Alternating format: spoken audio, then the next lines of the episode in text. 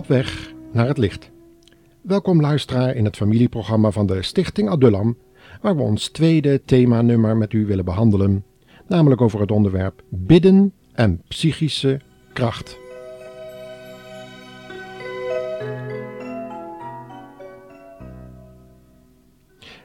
Opnieuw willen we dus de luisteraars bepalen bij de gevaren van psychische krachten in het gebed. Een onderwerp waar we reeds in de vorige uitzending u mee confronteerden. De besproken stof is zo belangwekkend dat we daarom een tweede uitzending aan dit onderwerp wijden, getiteld Wraakpsalmen en Broa-gebeden. Een gevaarlijke vermenging van wet en evangelie.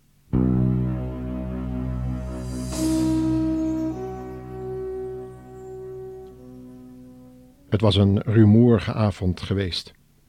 Een kleine groep gelovigen moesten beslissen over een moeilijke zaak die er in hun kerk gaande was.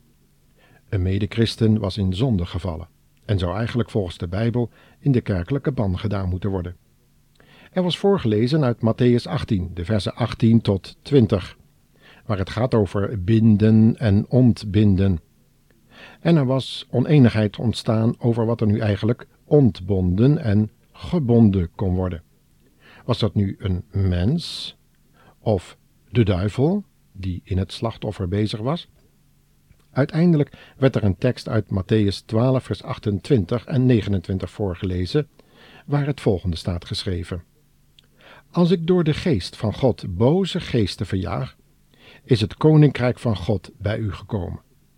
Je kunt het huis van de duivel niet leegroven als je de duivel niet eerst vastbindt. Dan pas kun je zijn trawanten, de boze geesten, verjagen.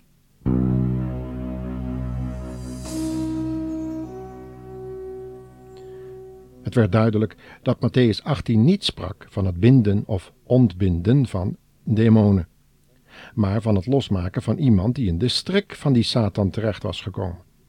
We weten dat dit alleen kan gebeuren door berouw, nederige boetedoening en schuldbeleidenis, en, en dat de Heer Jezus zo iemand losmaakt uit de strik van Satan. Hoe dit gebeurt in de praktijk beschrijft Paulus in 2 Timotheus 2, vers 23 tot 26, en daarom zullen we dat ook in zijn geheel voorlezen.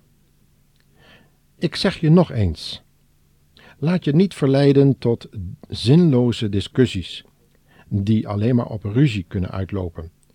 Een knecht van de Heere mag geen ruzie maken. Hij moet de mensen die verkeerd doen vriendelijk en geduldig terechtwijzen.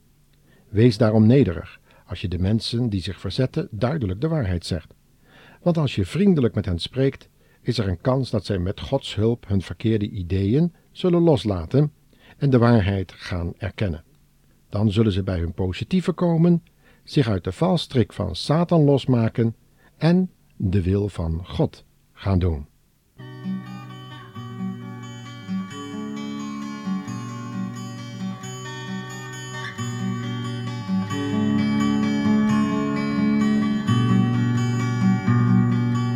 Jimmy komt uit een degelijk gezin, is grootgebracht met deze zin. Jimmy, God ziet alles hoor. Ze leerden hem wat hij moest weten, dat hij moest bidden voor het eten. Maar ze gaven nooit Gods liefde door. Jimmy, je hebt je zo vergist, ik wilde dat je wist dat God voor jou geen vijand is. Probeer het niet op eigen kracht. Ik wilde dat je zag hoeveel je nu Jimmy, ik wilde dat je het wist. Jimmy, open de woorden. Jimmy, kijk om je heen. Maar Jimmy was pas een jaar of tien en kon God alleen maar zien als een strenge oude man. Maar toen, in de zesde klas, toen Jimmy al wat ouder was, nam de twijfel snel de overhand.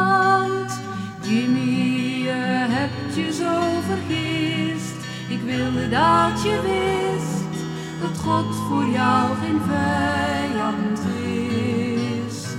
Probeer het niet op eigen kracht, ik wilde dat je zag, hoeveel je nu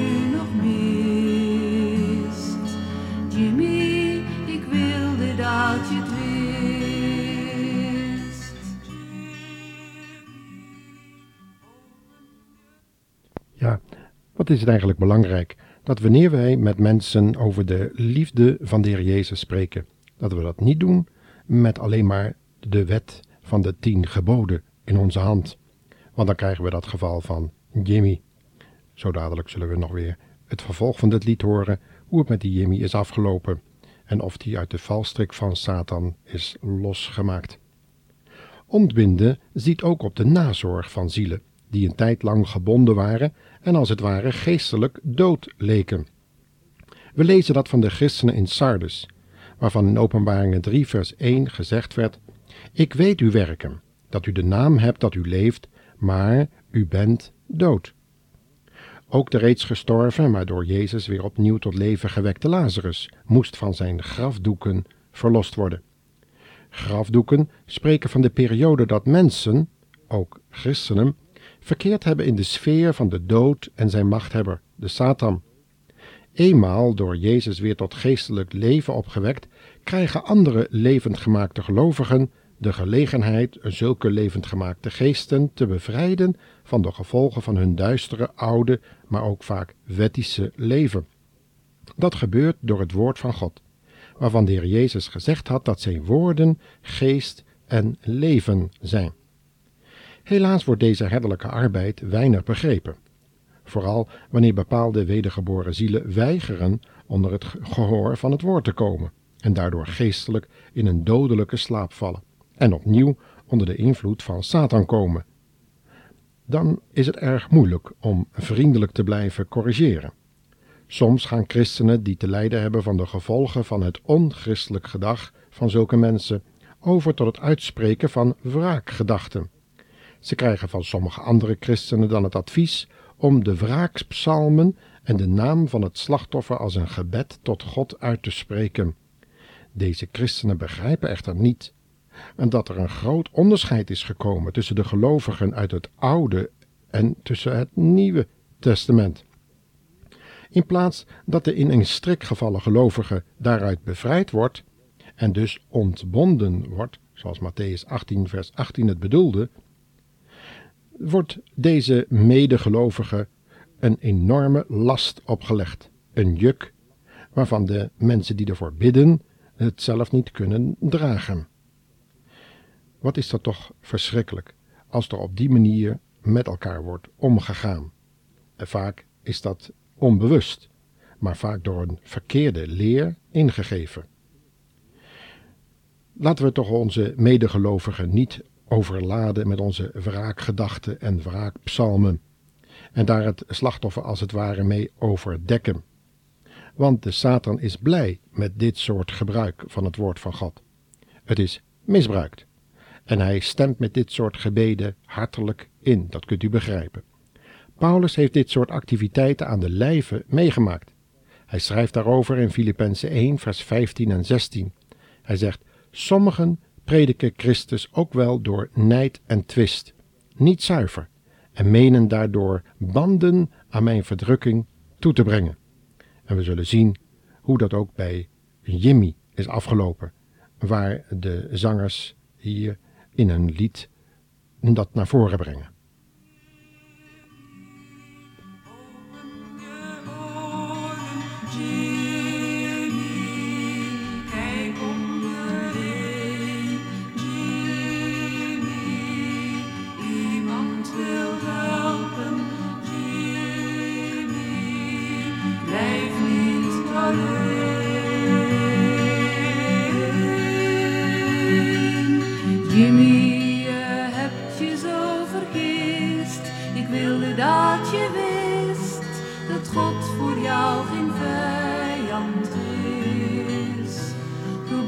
Niet op eigen kracht. Ik wilde dat je zag hoeveel je nu nog mist. Jimmy, ik wilde dat je het wist.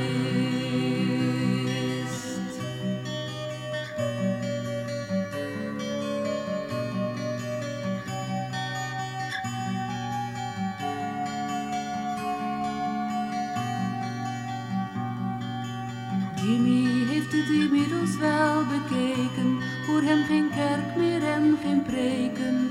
Er is geen mens aan wie hij zich stoort. En zo groeit Jimmy op, maar soms duikt het spookbeeld op. Dat God hem nog steeds ziet en hoort. Jimmy, je hebt je zo vergist. Ik wilde dat je wist dat God voor jou geen vijand is. Probeer het niet op eigen kracht. Ik wilde dat je zag hoeveel je nu nog mist. Jimmy, ik wilde dat je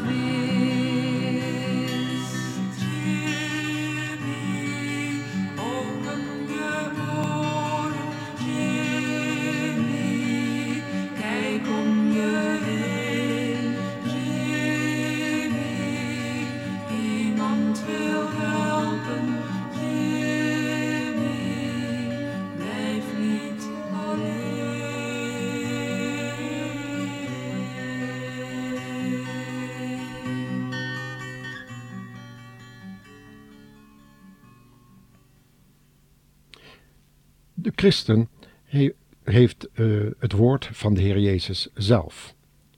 En deze heeft nooit gezegd dat wij God maar moeten voorschrijven op welke manier Hij moet helpen of iemand die ons schade berokkent moet straffen.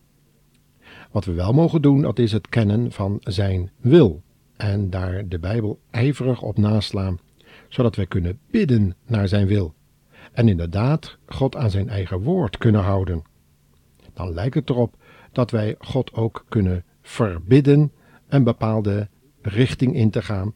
En meestal is dat een oordeel over iemand of een heel land zelfs uit te spreken. God zoekt voorbidders die voordat hij het oordeel uitvoert, daar in de bres gaan staan, zoals Mozes dat deed met zijn volk. Maar soms wordt dat gezegd dat we dan God op andere gedachten brengen.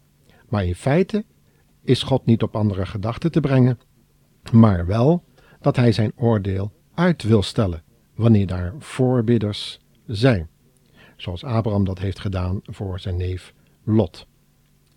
Maar als wij onze gebeden naar mensen toe gaan richten, en zelfs als we wraakgedachten via psalmen als het ware uitzenden als voodoo-pijlen naar die ander, zij het dan dat we dat in een christelijk jasje doen, dan zijn we gewoon bezig met toverij.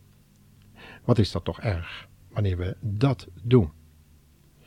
Maar u die leeft in uw eigen licht, zegt dan Jesaja 50 vers 11, u die zich aan uw eigen vuur warmt in plaats van Gods vuur, mijn hand zal u treffen en op een bed van smarten zult u moeten neerliggen. Mensen die op een verkeerde manier bidden, die lopen het gevaar dat dat gebed als een boemerang werkt en terugkeert in hun eigen boezem. Zou dat de bedoeling van God wezen? Word als een kind en ga geloven dat Jezus koning